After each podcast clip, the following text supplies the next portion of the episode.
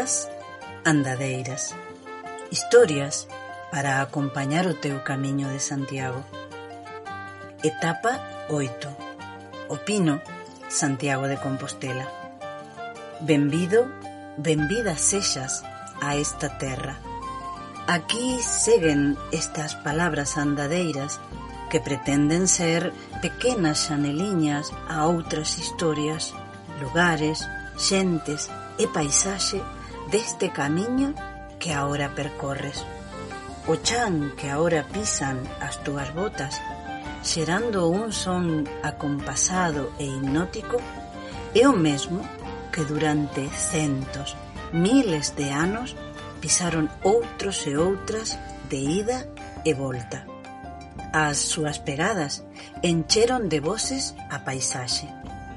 Galicia é auga, e pedra, pero sen as palabras sería outra auga e outra pedra.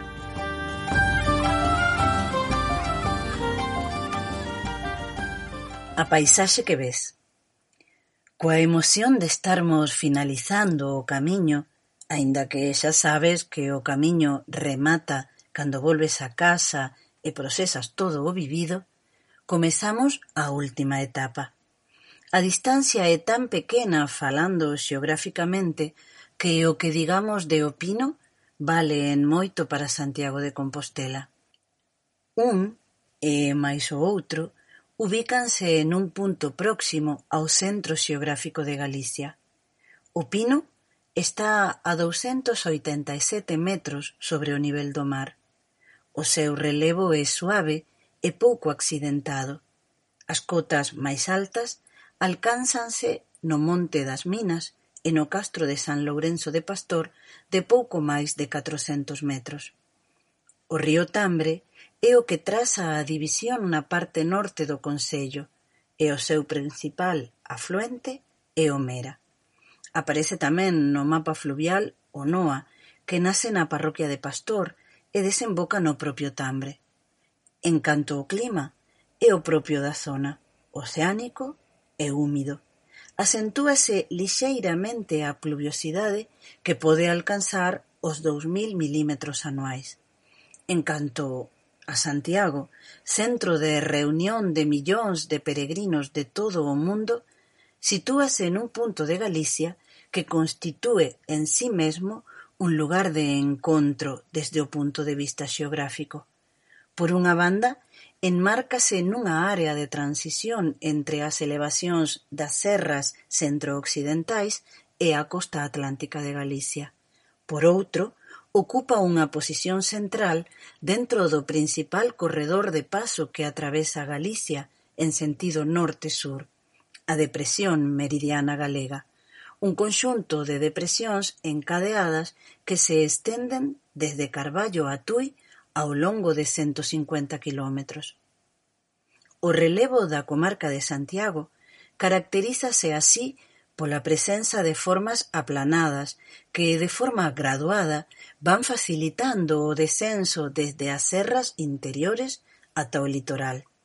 Estas formas planas foron modeladas posteriormente pola rede fluvial, a principal, constituída ao norte polo río Tambre e ao sur polo Ulla. Dependendo da diferente intensidade da erosión exercida pola auga e do tipo de rocha que conforma o subsolo, a paisaxe resultante será máis ou menos monótona. Unha boa panorámica da paisaxe que caracteriza a comarca de Santiago pódese contemplar desde o Pico Sacro, situado dentro do Concello de Boqueixón, que linda ao leste co de Santiago de Compostela. Prominente montaña de cuarzo que resistiu os efectos da erosión da abundancia pluvial e pluvial.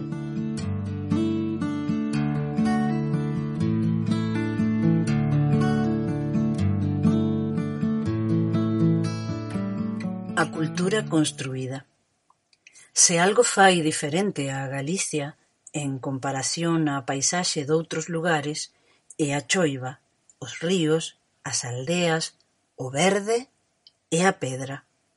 O traballo da pedra é tan antigo como o home e a súa importancia na nosa terra queda explicada pola abundancia e a calidade da materia prima. Dolmens e castros dan testemuño da habilidade construtiva e da antigüidade deste oficio. Na Idade Media Compostela e as diferentes ribeiras sacras deron a ocasión de exercer a súa profesión a numerosos artistas. A chegada de moitos traballadores de fóra de Galicia no século dezaseis supuxo o anovamento de modos construtivos, instrumentos, costumes, cancións e vocabulario. No entanto, isto non significou a anulación da cantería local. Todo o contrario, como o demostra o novo esplendor da escola galega dos séculos máis tardes.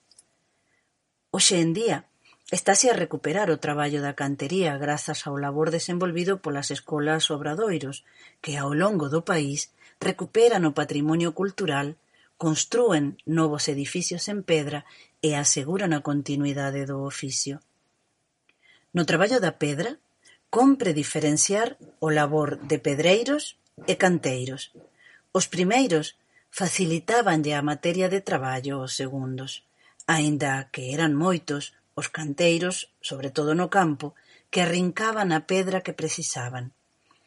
Unha variedade de pedreiros eran os chanteiros, especializados en extraer chantos, lousas de pedra que se espetaban na terra para separar propiedades.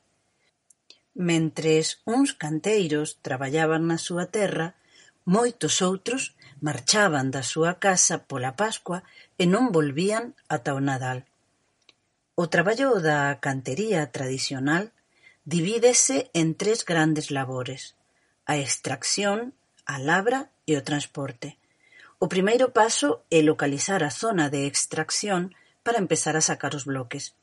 Despois chega a labra que consiste en refinar a rocha e preparala para as tarefas posteriores e finalmente hai que carrexar os bloques ata o lugar de transformación, carga ou destino. Antano, ao remataren unha obra, os traballadores colocaban un ramo de loureiro adornado con fitas, flores e laranxas no alto da construción, e o amo ou patrón adoitaba convidalos. Isto sucedía sempre e cando non tivese ocorrido ningunha desgracia durante a realización da obra. Nese caso, o ramo que se chantaba era de toxo ou piñeiro seco, o que se lle prendía lume. Antes da celebración, o canteiro dicía: Mais o vixairo vai a zaspear unha grada xida a unha chumeira andía. Esta frase, que significaba seguro que o patrón vai pagar unha boa carne e unha bebida exquisita, está mencionada en latín, pero no latín dos canteiros, o verbo dos arxinas, dos buxas. Os canteiros e pedreiros caracterizábanse pola súa fala peculiar, que tiña como fin primordial o entendemento entre os pertencentes ao gremio, a escuridade para os outros e a salvagarda dos segredos da vida e do traballo. Probablemente A súa orixe estivo na necesidade de posuír un xeito propio de comunicárense descoñecido para as persoas que estaban en contacto con eles e non pertencían á súa profesión: capataces, enxeñeiros, arquitectos ou as donas das pousadas, nais das mozas coas que os canteiros se relacionaban. Só os canteiros estaban autorizados a coñecer esta lingua e a transmitila aos seus aprendices, sen que ninguén alleo á profesión, puidese ter acceso ao seu coñecemento, agás a muller do canteiro. Os gremios e a Sociedade de Canteiros mesmo instituíron duros castigos contra aqueles que lles ensinasen aquel latín ás persoas á marxen do oficio. A outra linguaxe dos canteiros podedela ver nas pedras dos diferentes edificios. Son triángulos, cruces, formas curiosas, fermosas todas elas. Usábanse para dar indicacións construtivas, para marcar a presenza do gremio, para facer ver unha doazón e tamén para constatar o traballo e seren remunerados. Sen estes homes, o perfil identitario de Galicia sería moi diferente. Eles levantaron pasos, castelos, igrexas, mosteiros, casas, rectorais, pero tamén pontes, muíños, fontes, lavadoiros, hórreos, cruceiros, petos de ánima. Galicia é pedra labrada pola man do home.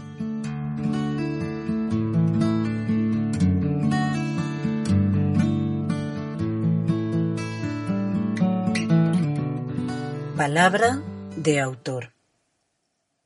Luís Seoane naceu en Bos Aires o 1 de xuño de mil novecentos dez. O seu pai, Luís Santiago Seoanes, era de Oínes, Arzúa. A súa nai, María López Mosquera, era natural de Arca, o Pino. No ano 1916, a familia volve a Galicia con intención de quedar. Ao herdar a súa nai unha leira en Arca, deciden construir alí unha casa, segundo todos os indicios, ven sendo o actual edificio que existe diante do albergue de Arca. Desde aquela, Luís e o seu irmán Rafael van ao Instituto a Santiago, ás veces andando para aforraren os cartos do bus, é dicir, unha camiñada de 18 kilómetros. Marchaban os lóns pola mañá e volvían o sábado. Durante toda a semana Vivían nunha pensión na rúa de San Pedro, concretamente no número dezaoito. Pasaban as vacacións de verán en Arca. A súa avoa e o resto da familia materna dispoñían dunha casa hoxe coñecida como a Casa de Brei, moi preto do cemiterio municipal. Cando comeza os seus estudos de Dereito, a familia toda múdase a Santiago. Luís Visita os cafés santiagueses relacionándose con estudantes, escritores e pintores. Observa atentamente os personaxes do mercado, das feiras, onde asegura aprende moito máis que nas aulas. Xa daquela, Luís Seoane manifestaba as súas ideas galeguistas, tendencias que o levaron ao exilio coa chegada da Guerra Civil. O destino foi a terra que o viu nacer, Segundo Maruxa Seoane, Luís era un auténtico namorado de Arca, así o testemuña nun escrito do ano setenta e oito Pecho os ollos e vexo.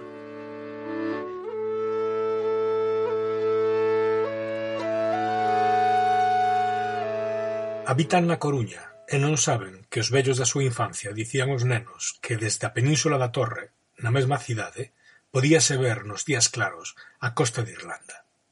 Quizais nunca o souberon. Tamén sei que pechando os ollos vexo, cando quero, unha aldea, Arca. É a mesma aldea rodeada de montañas, de minas, de bosques e labradíos, e ao pé delas un río transparente, de troitas que ven correr amedrentadas polas sombras. Un río transparente no que nadan as libérulas, e no barro das súas beiras escóndense as anguías. Lembro os poboadores e os seus traballos. Era unha aldea de músicos e gaiteiros. Había dúas bandas de música. Algún campesiño emigraba e outros se facían navegantes. Exercíase os oficios elementais. Nos bosques abundaba o xabril, e nas beiras do río a marta e por todas partes a cobadreja e o esquío. No aire ou pousados nas árbores unha multitude de paxaros. Pecho os ollos, e vexo Arca.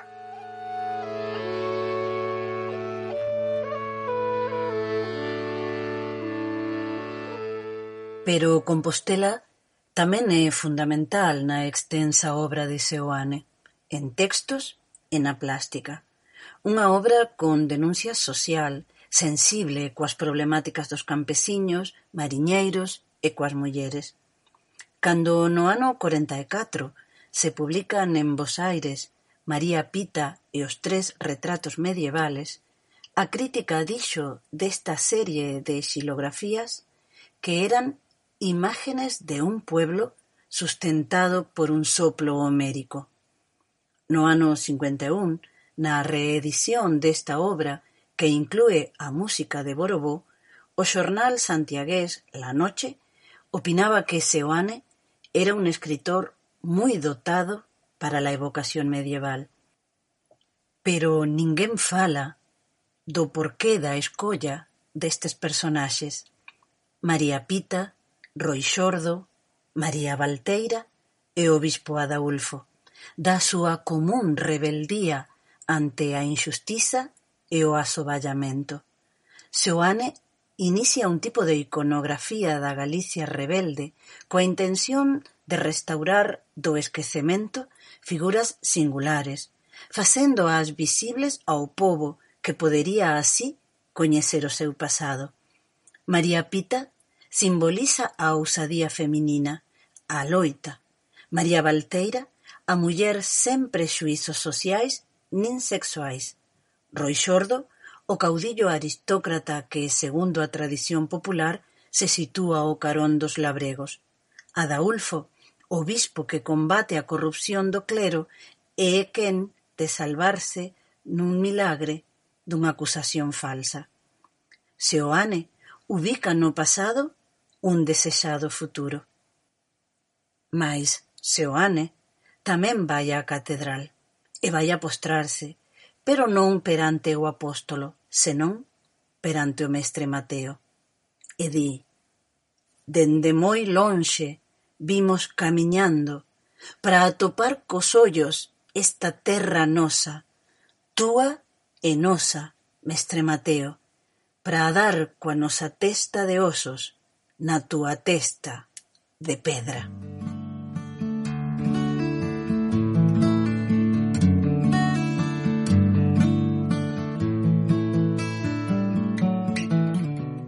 A mesa do camiño.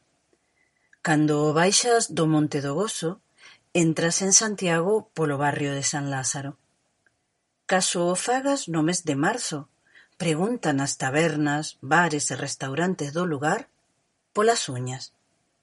A festa de San Lázaro é unha festa de exaltación gastronómica e relixiosa que se celebra nos arredores da igrexa de San Lázaro, unha pequena capela do século dezasete dedicada ao tradicional patrón dos leprosos. Alí houbo no século doce unha leprosería, un convento, unha hospedería e un hospital hoxe desaparecidos.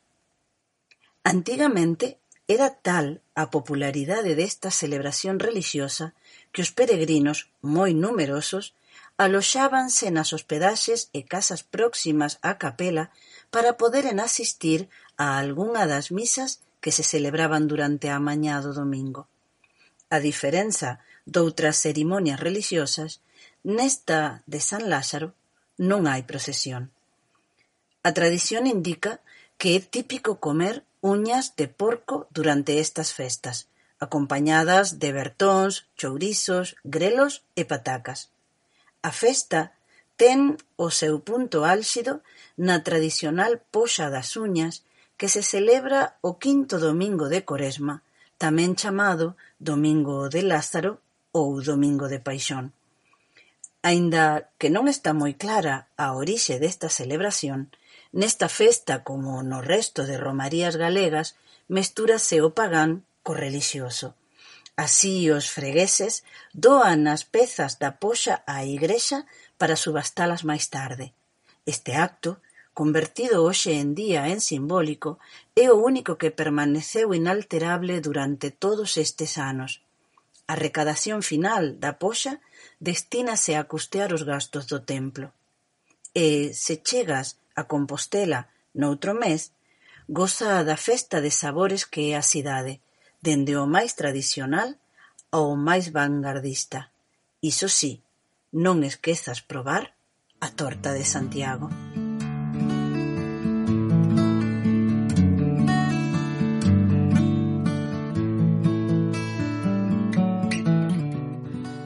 Moitos poetas cantaron e cantan loas a Santiago de Compostela. Tamén o gran Federico García Lorca que escribiu seis poemas en galego emocionantes. Un deles, Chove en Santiago, musicado por Luarna Lubre, é xa un himno. Busca na rede algunha das súas versións, verás que fermosura. Chove en Santiago En 2019, o músico Abe Rábade puxolle música aos seis poemas nun espectáculo fermosísimo na Praza da Quintana, chamado "Lorca namorado" onde participaron entre outros Salvador Sobral, Quiqui Morente, Marcelo Dobode, David Salvado, Susana Seivane e Lilaina coa posta en escena de Quico Cadaval. Foi unha noite inesquecible. Pero hai outra composición poética galega considerada a máis importante e interesante de todas. O romance de Don Gaiferos de Mormaltán, nuns fragmentos paradigmáticos, fálanos da dureza do camiño que todo peregrino debe afrontar e superar, non sen gran esforzo e sacrificio, atravesando longas distancias. E onde vai aquil Romeiro, meu Romeiro, a donde irá? Camiño de Compostela non sei se alí chegará. Os pés leva cheos de sangue, xa non pode máis andar, malpocado, probebello, non sei se alí chegará. Ten longas e brancas barbas, ollos de doce mirar, ollos gazos leonados, verdes, como a auga do mar. E onde ides, meu Romeiro, onde queredes chegar? Camiño de Compostela, donde teño o meu fogar. Compostela é miña terra, Deixeina sete anos hai, relucinte en sete soles, brilante como un altar. Escoitamos un fragmento do romance na voz de Faustino Santalices, gaiteiro e o investigador máis importante de Sanfona na primeira metade do século XX. Onde vai aquí Romeiro, me romeirá donde irá, caminho de Compostela, non sei se ali chegará.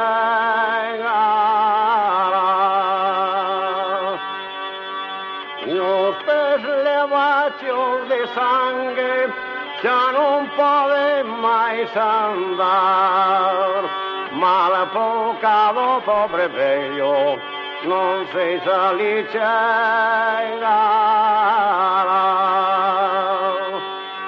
Ten longas e brancas barbas, ollos de doce mirar Ollos gazos leonados, verdes como ahogado.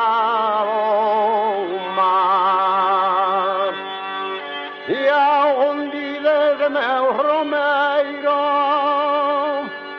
Onde queredes chegar Camiño de Compostela Onde teño meu fogar. Compostela é miña terra Deixei na seta no sai Reluciente en sete soles brillante como un altar. Collas a min, meu veliño, vamos xuntos camiñar. Eu son troveiro das trovas da virgen de Bonava. E eu chamo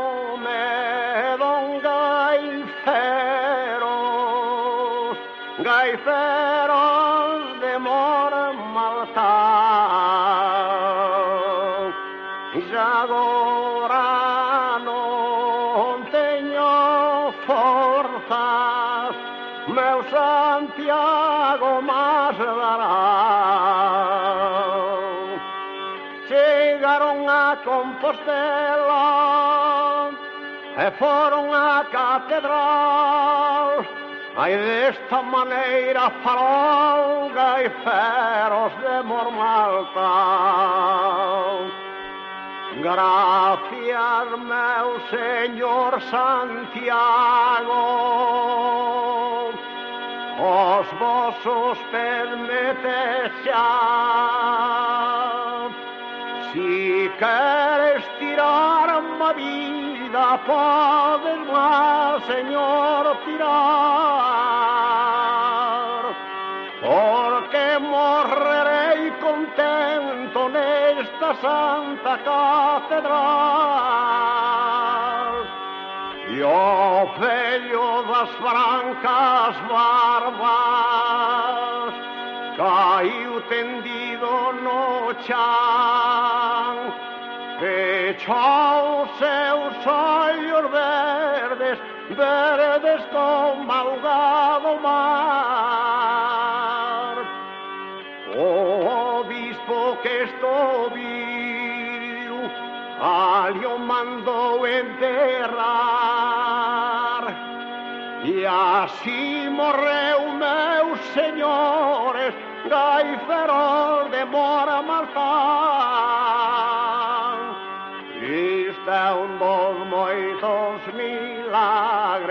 que Santiago apóstol fai.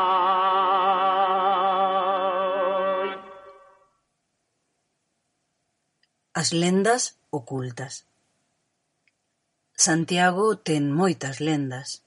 As máis delas nin son certas, pero eu quero compartir contigo Unha que ten que ver cun espazo que seguramente tes visto moitas veces ao longo do camiño e que en Santiago pervive aínda nos tempos modernos.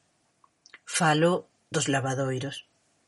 Queda moito por investigar e divulgar arredor do traballo das lavandeiras e deses espazos completamente femininos que eran os lavadoiros.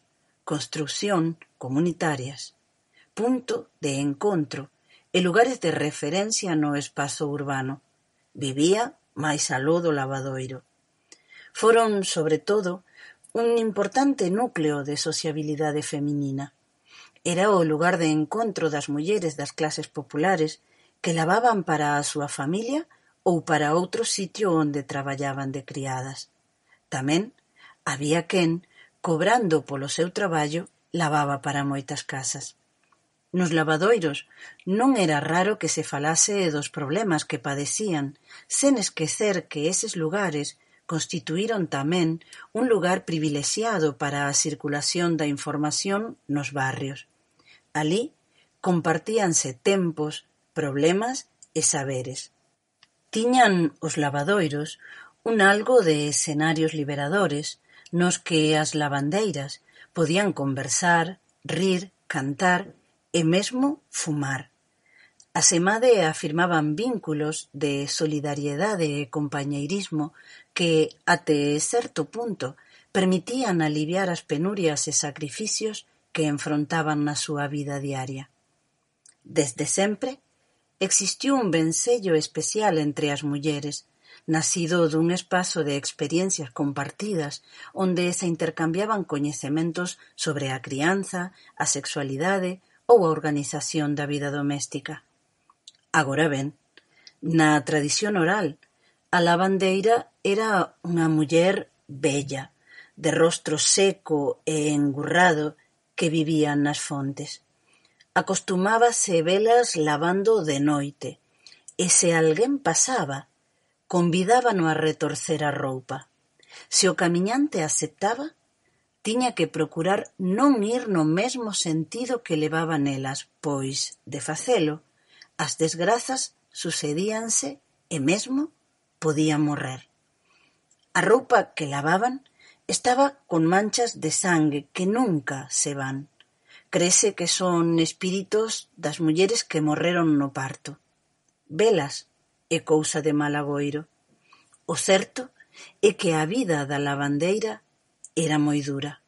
A dicir de Encarna Otero, elas, as lavandeiras, sempre coa cesta da roupa na cabeza, donas do vento, da auga, do xabón, do clareo, do sol e da brancura, mas tamén vivindo na compaña do frío, da néboa, da humidade, da frieira e da reuma.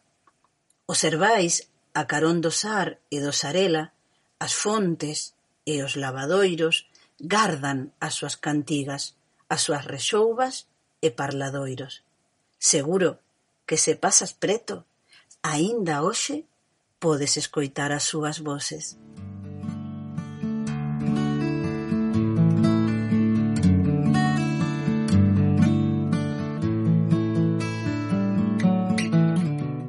O patrimonio está aquí. No Concello de O Pino hai unha parada obrigatoria, a Ponte Puñide. Por estas terras cruzou no seu día, do mesmo xeito que hoxe o fai o Camiño de Santiago, unha vía romana, da que dá testemunho esta pequena ponte da época, que, con dous arcos de medio punto, salva o leito do río Mera. Segundo os historiadores, No lugar onde se sitúa é posible que existise un asentamento, dada a proximidade da vía de Sanove que unía Braga con Astorga. No ano 1913 localizáronse varias pezas romanas, entre as que destacan dúas, hoxe en día, expostas como tesouros no Museo Arqueolóxico Nacional. Estas son o Modio, de Ponte Puñide, Un vaso cilíndrico de bronce datado no século IV despois de Cristo, utilizado polos romanos como unidade de medida de grans e unidade básica dos intercambios e como moeda. A importancia deste modio queda reflectida nunha inscrición en latín que menciona os principais cureae das cidades, encargados de recardar os impostos entre os habitantes dos núcleos urbanos en tempos de Valentiniano I, Valente e Graciano, emperadores entre os anos trescentos sesenta e catro e trescentos oitenta e tres. Na parte superior hai tamén outra inscrición alusiva á súa capacidade, dez litros. Tamén atoparon unha pequena escultura de 31 centímetros de altura do século I, en bronce, representando un mozo novo de fermoso cabelo, con guechos que caen sobre a fronte, tocado e velado. Está en actitude de sacrificio. Os seus trazos faciais consérvanse moi ben, mesmo se observa o iris. Viste túnica con mangas e toga colocada segundo o estilo alto imperial. Aparece con calzado señorial, identificado como o xeño do fogar, o espírito que protexía persoalmente a un home, é a representación do Pater Familias, que ofrece libacións diante do altar dos deuses. Este xenio da casa estaba colocado no larario ou altar, xunto cos deuses predilectos da familia.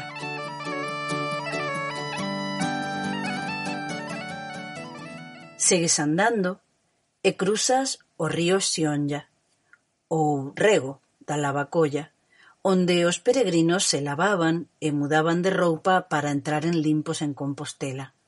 Este rito, medida hixiénica e ritual purificador, xa se cita no Calixtino no século XII, porque os peregrinos franceses que ían a Santiago espíanse e por mor do apóstolo acostumaban a lavar non só as súas partes, senón a sucidade de todo o corpo.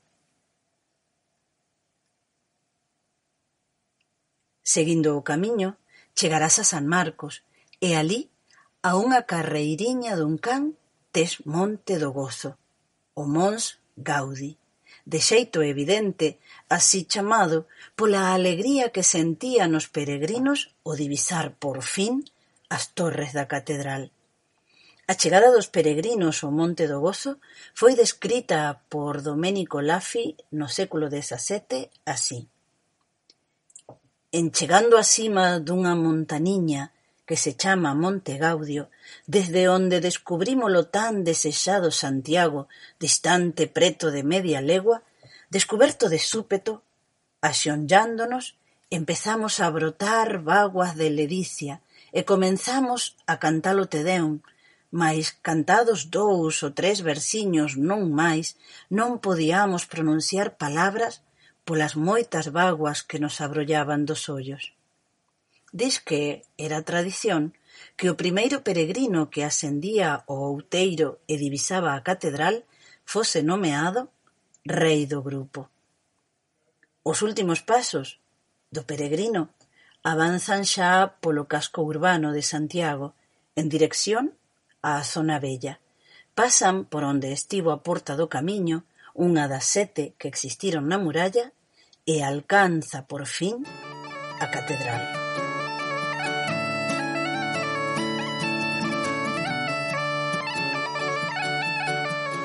Santiago de Compostela é unha cidade de inmensa riqueza patrimonial. Recomendámosche encarecidamente que quedes uns días con nós que percorras as rúas e rueliñas, que deixes que a pedra che fale, Poderás gozar de vestixios prehistóricos de románico, gótico, barroco, renacemento, neoclásico e tamén dunha arquitectura contemporánea de nivel. Tes a sorte de chegar a Santiago logo dunha fantástica restauración da catedral, do seu exterior e do espectacular Pórtico da Gloria. Recoméndoche a súa visita e tamén a visita dos tellados. Na catedral Xa sabes, abrazar ao apóstolo, ver o botafumeiro e cumprir cos teus rituais persoais. Despois, faime caso, vai onda a porta norte da catedral, contra a esquerda, e visita a corticela.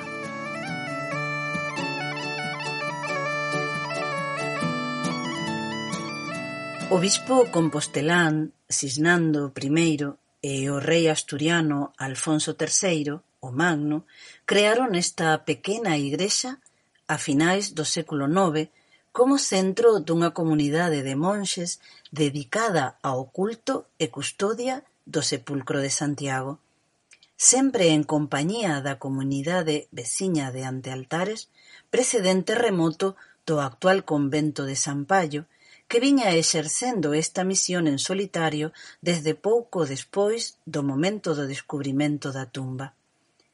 Presidida polo abade Ronoaldo, a nova comunidade instálase uns metros ao norte do espazo santo do sepulcro, no lugar homónimo, diminutivo do latín curtis, que alude a un pequeno espazo cercado.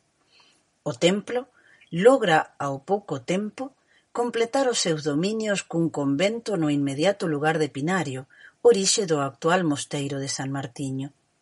Os monxes van manter o culto ao apóstolo na Cortisela cando menos ata principios do século XII, momento no que son apartados a favor do clero catedralicio que acaba asumindo todo o control sobre o sepulcro apostólico. Pero a Cortisela que ao xurdir a catedral queda case unida a ela seguirá en poder dos monxes.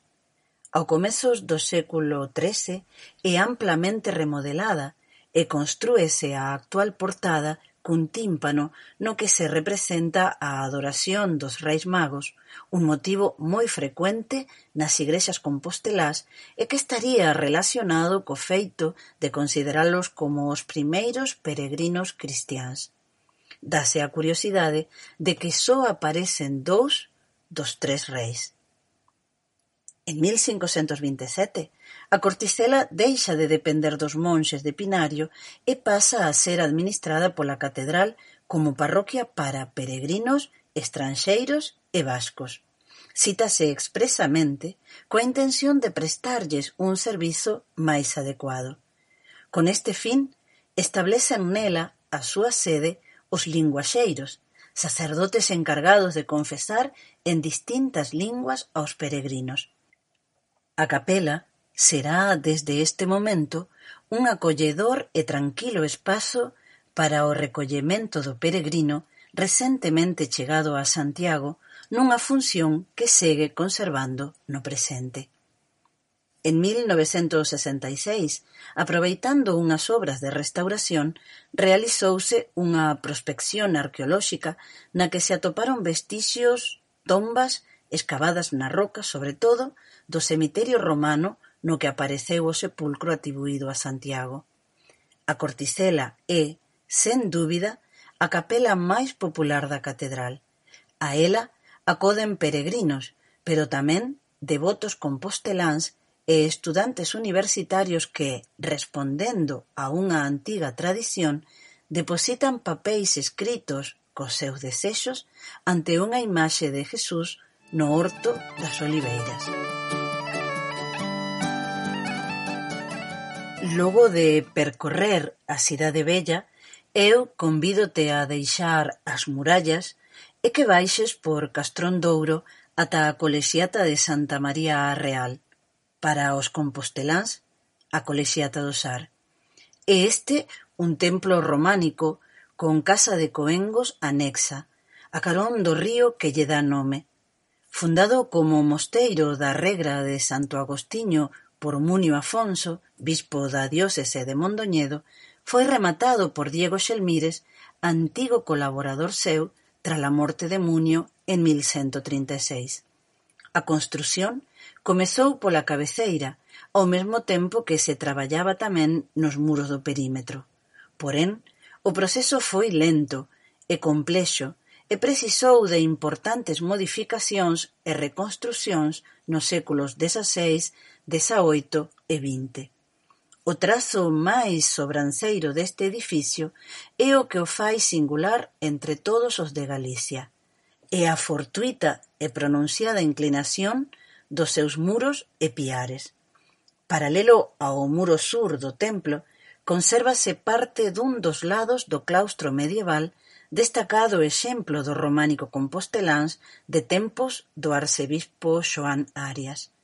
Na igrexa e no claustro consérvase unha importante colección de sarcófagos dos que o máis antigo é o do arcebispo Bernardo, que, retirado en Sar, Morreu no ano mil douscentos corenta.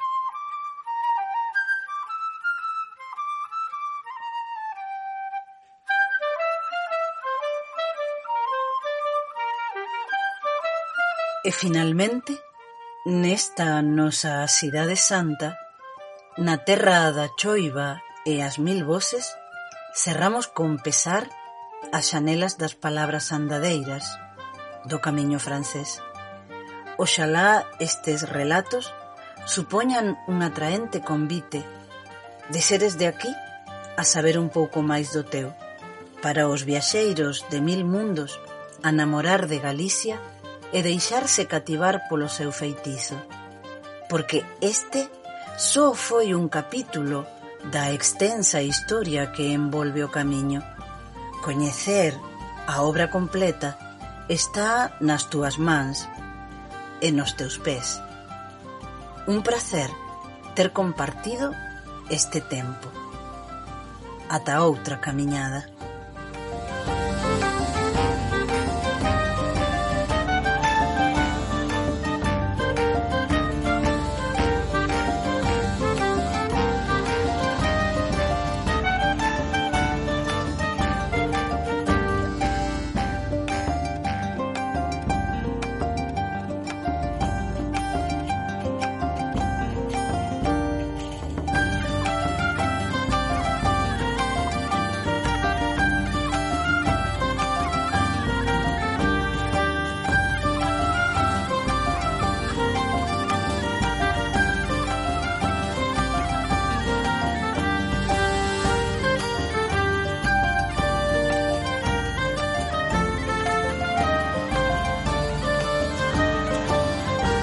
Palabras Andadeiras é un podcast escrito e realizado por Soledad Fellosa.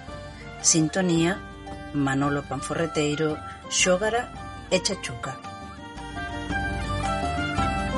Obra realizada ao abeiro do Fondo de Proxectos Culturais Xacobeo 2021 da Xunta de Galicia.